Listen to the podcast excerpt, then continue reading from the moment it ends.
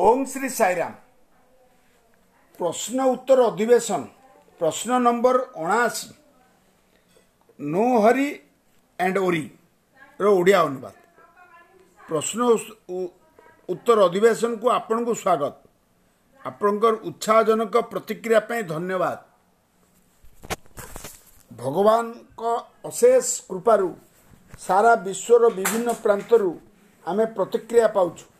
ଭଗବାନ ଆପଣମାନଙ୍କୁ ଆଶୀର୍ବାଦ କରନ୍ତୁ।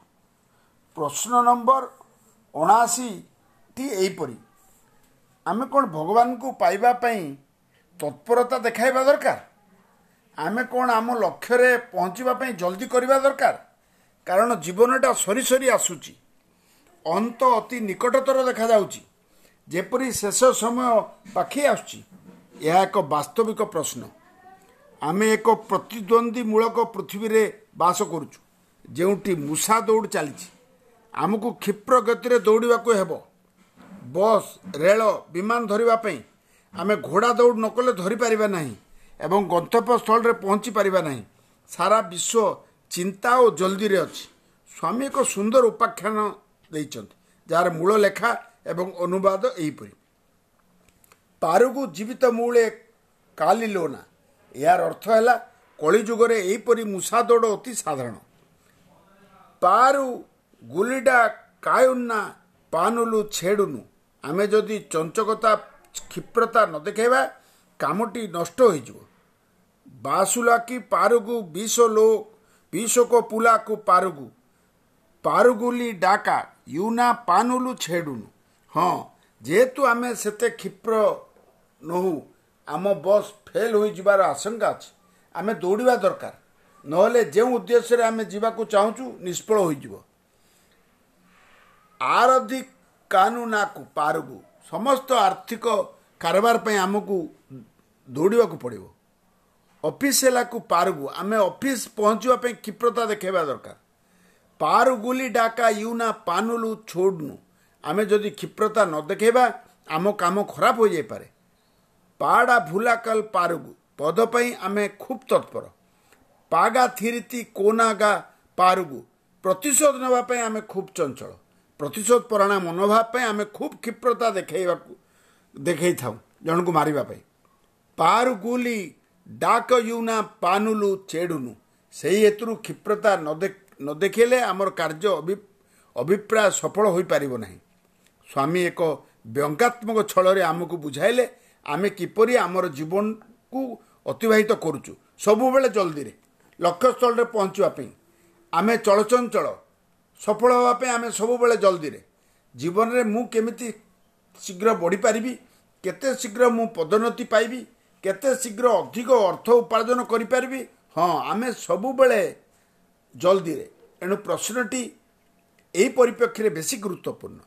ଏଣୁ ପ୍ରଶ୍ନ ଉତ୍ତର ଆଧ୍ୟାତ୍ମିକ କ୍ଷେତ୍ରରେ କମ୍ କ୍ଷିପ୍ରତା ଦରକାର ଏଣୁ ପ୍ରଶ୍ନ ହେଲା ଉଠେ ଆଧ୍ୟାତ୍ମିକ କ୍ଷେତ୍ରରେ କ'ଣ କମ୍ କ୍ଷିପ୍ରତା ଦରକାର ଧାର୍ମିକ ପଥରେ ମଧ୍ୟ କ'ଣ ଆମେ କ୍ଷିପ୍ରତା ପ୍ରଦର୍ଶନ କରିବା ଦରକାର ଆମେ କ'ଣ ଭଗବାନଙ୍କ ପାଇବା ପାଇଁ କ'ଣ କ୍ଷିପ୍ରତା ପ୍ରଦର୍ଶନ କରିବା ଦରକାର ସାଂସାରିକ ଦୃଷ୍ଟିକୋଣରୁ ଏହି ପ୍ରଶ୍ନ ପ୍ରଫେସର ଅନିଲ କୁମାରଙ୍କୁ ପଚ- ପଚରାଯାଇଛି। ପ୍ରଫେସର ଅନିଲ କୁମାର କହୁଛନ୍ତି ତୁମେ ଅଫିସ ପହଞ୍ଚିବା ପାଇଁ ତତ୍ପରତା ଦେଖାଅ ଯାହାକି ତୁମ ବାସଗୃହ ଠାରୁ ଦୂରରେ ଥାଏ। ତୁମେ ବସ୍ ଧରିବା ପାଇଁ ବ୍ୟଗ୍ରତା ଦେଖାଅ। କାରଣ ବସ୍ଷ୍ଟାଣ୍ଡ ତୁମ ଘରଠୁ ଦୂରରେ ଥାଏ। ତୁମେ ବିମାନ ବନ୍ଦରକୁ ପହଞ୍ଚିବା ପାଇଁ ତତ୍ପରତା ଦେଖାଅ। କାରଣ ଖୁବ୍ କମ୍ ସମୟ ମଧ୍ୟରେ ବିମାନ ଧରିବା ପାଇଁ ଥାଏ। ଏଣୁ ଯେଉଁଠି ଗନ୍ତବ୍ୟସ୍ଥଳ ଦୂରରେ ଥାଏ ସମୟର ସ୍ୱଳ୍ପତା ଦୃଷ୍ଟିରୁ ତୁମେ ଜଲ୍ଦିରେ ଥାଅ।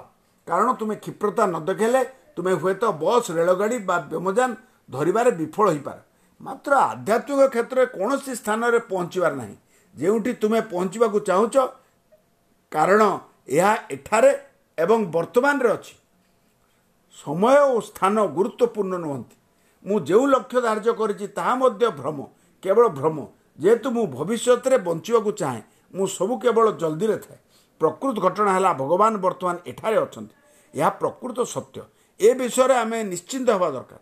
ମାତ୍ର ଆମେ ସ୍ୱପ୍ନ ଜଗତରେ ଥାଉଁ। କୌଣସି ସ୍ୱପ୍ନ ସତ୍ୟ ହେବ ନାହିଁ। ସ୍ୱପ୍ନ ଦେଖି ଆମେ ଆମର ଅମୂଲ୍ୟ ଜୀବନ ନଷ୍ଟ କରିଥାଉ। ଆମେ ଭାବିବା ନାହିଁ ଯେ କେଉଁଠି ସ୍ୱର୍ଗ ଅଛି। ଭଗବାନ କେଉଁଠି ଅଛନ୍ତି ତାହା ହୃଦୟଙ୍ଗମ କରିବା ଦରକାର ସମୟ ଦରକାର। ମୋତେ ଭଗବାନଙ୍କୁ ପାଇବାର ଅଛି ଏଣୁ ମୋତେ ଶୀଘ୍ର ଶୀଘ୍ର କରିବାର ଅଛି। କ୍ଷମା କରିବେ ଭଗବାନ ଏକ ଲକ୍ଷ୍ୟ ନୁହନ୍ତି।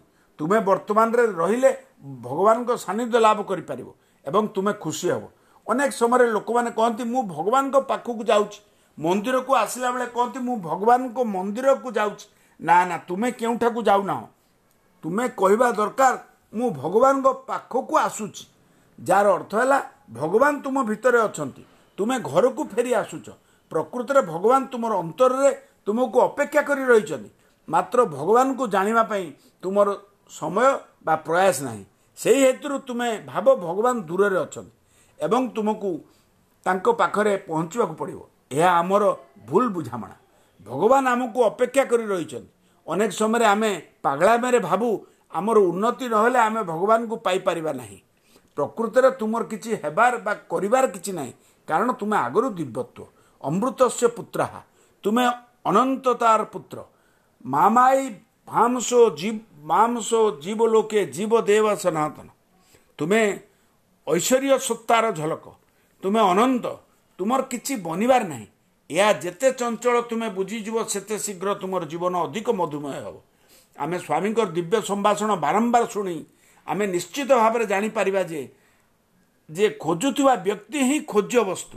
ଶିକର ଇଜ୍ ଦି ସର୍ଟ ତୁମର କିଛି ସନ୍ଧାନ କରିବାର ଆବଶ୍ୟକତା ନାହିଁ। କାରଣ ତୁମେ ହିଁ ଭଗବାନ। ଅହଂ ବ୍ରହ୍ମାସ୍ମି। ଅନେକ ବରିଷ୍ଠ ନାଗରିକ ଭାବନ୍ତି ସେମାନଙ୍କର ଭାଗବତ ପ୍ରାପ୍ତି ହେବ ନାହିଁ। ଆମେ ମଧ୍ୟ ଭାବୁ ଭଗବାନ ଏକ ଅସମ୍ଭବ ଲକ୍ଷ୍ୟ। ଏହା ଏକ ମସ୍ତ ବଡ଼ ଭୁଲ। ଭଗବାନ ନିଜେ କହୁଛନ୍ତି ତୁମେ କାହିଁକି ଭୟ କରୁଛ ମୁଁ ଯେତେବେଳେ ଏଠାରେ ଅଛି ସେ ତୁମ ଭିତରେ ଅଛନ୍ତି। ଏଣୁ ଭୟ କାହିଁକି? ଆମର ନିରାଶ ବା ହତାଶ ହେବାର କୌଣସି କାରଣ ନାହିଁ। ଯେହେତୁ ସେ ଆମ ଭିତରେ ବିଦ୍ୟମାନ। ଆମେ କହିପାରୁ ଖୁବ୍ ଉଚ୍ଚ ଶିକ୍ଷିତ। ମୋର ବହୁତ ଡିଗ୍ରୀ ଅଛି। ମୋର ଗବେଷଣାତ୍ମକ ଅଭିଜ୍ଞତା ଅଛି। ବନ୍ଧୁଗଣ ଏହିସବୁ ଶିକ୍ଷା ଆପଣମାନଙ୍କୁ ଆହୁରି ଉଚ୍ଚାଭିଳାଷୀ ଫଳାଫଳ ଆଧାରିତ କରିଦେବ। ଏଣୁ ଶିକ୍ଷା ଦୁର୍ନୀତିଗ୍ରସ୍ତ କରିଦେବ। ଅଧିକ ଅହଙ୍କାରୀ କରିବ। ତାପରେ ତୁମେ ଭାବିବ ତୁମେ ଭଗବାନଙ୍କ ଠାରୁ ଦୂରରେ ଅଛ। ଏଣୁ ଶିକ୍ଷା ମାନଦଣ୍ଡ ନୁହେଁ। କିଛି ଲୋକ କହନ୍ତି ସ୍ୱାମୀ ମୁଁ ଆପଣଙ୍କର ଅଭାବ ଅନୁଭବ କରୁଛି। ଏହା ଅର୍ଥହୀନ। ଉଡ଼ାନ ଓଜନ ଚାଲିଛି। ଅନ୍ତରଙ୍ଗ ଭଜନ ସେହି ସମୟରେ ଚାଲିଛି। ଅନ୍ତରଙ୍ଗ ସାଇ ଅନାଥ ନାଥ ସାଇ ଦୀନବନ୍ଧୁ ସାଇ କରୁଣା ସିନ୍ଧୁ ସାଇ। ଅନ୍ତରଙ୍ଗ ସାଇ ଅନାଥ ନାଥ ସାଇ। ସ୍ୱାମୀ ଯେତେବେଳେ ତୁମର ଅନ୍ତର ନିବାସୀ ତାଙ୍କୁ ଧରିବାର କିପରି ବିଫଳ ହେବ? ଯିଏ କହୁଛି ମୁଁ ତାଙ୍କୁ ଧରିବାରେ ବିଫଳ ହେଉଛି ଏହା ଏକ ଅଜ୍ଞତା। ସେଇ ହେତୁରୁ ଭଗବାନ ଏକ ଲକ୍ଷ୍ୟ ନୁହନ୍ତି। ଏଣୁ ତାଙ୍କ ହରାଇବାର ଅବକାଶ ନାହିଁ। ତୁମେ ତାଙ୍କର ଉପସ୍ଥିତି ଅନୁଭବ କରିପାରିବ। ଯେତେବେଳେ ତୁମେ ଭଜନ ବୋଲୁଛ ତାଙ୍କ ବିଷୟରେ ପଢ଼ୁଛ ଏହା ହେଉଛି ଜ୍ଞାନାଲୋକ। ଏହିପରି ଏହି ଆଲୋକ ଆଲୋକରେ ଉଦ୍ଭାସିତ ହେବା ମଧ୍ୟ ଲକ୍ଷ୍ୟ ନୁହେଁ। ତୁମେ ପୂର୍ବରୁ ବିଜ୍ଞତା ପ୍ରାପ୍ତି ହୋଇଛ ଏହା କେବଳ ବୁଝିବା ଦରକାର।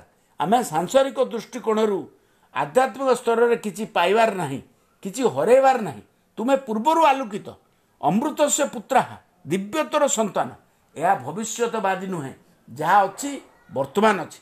ଅନେକ ଲୋକ କହନ୍ତି ମୁଁ ଚେଷ୍ଟା କରିବି। ସ୍ୱାମୀ କହନ୍ତି ତୁମେ ଟ୍ରାଏ କଲେ ଡ୍ରାଏ ହୋଇଯିବ ମାନେ ଶୁଷ୍କ ହୋଇଯିବ। ଜୀବନଟା ଆନନ୍ଦମୟ। ଆନନ୍ଦ ରହିବାର ସମସ୍ତ କାରଣ ଅଛି। ଭଗବାନଙ୍କୁ ଅନୁଭବରେ ରହିବ। ମୋତେ କେଉଁଠାକୁ ଯିବା ଦରକାର ନାହିଁ। ଏଣୁ ଆମେ ଜୀବନକୁ ଉପଭୋଗ କରିବା। ଓಂ ଶାନ୍ତି ଶାନ୍ତି ଶାନ୍ତି।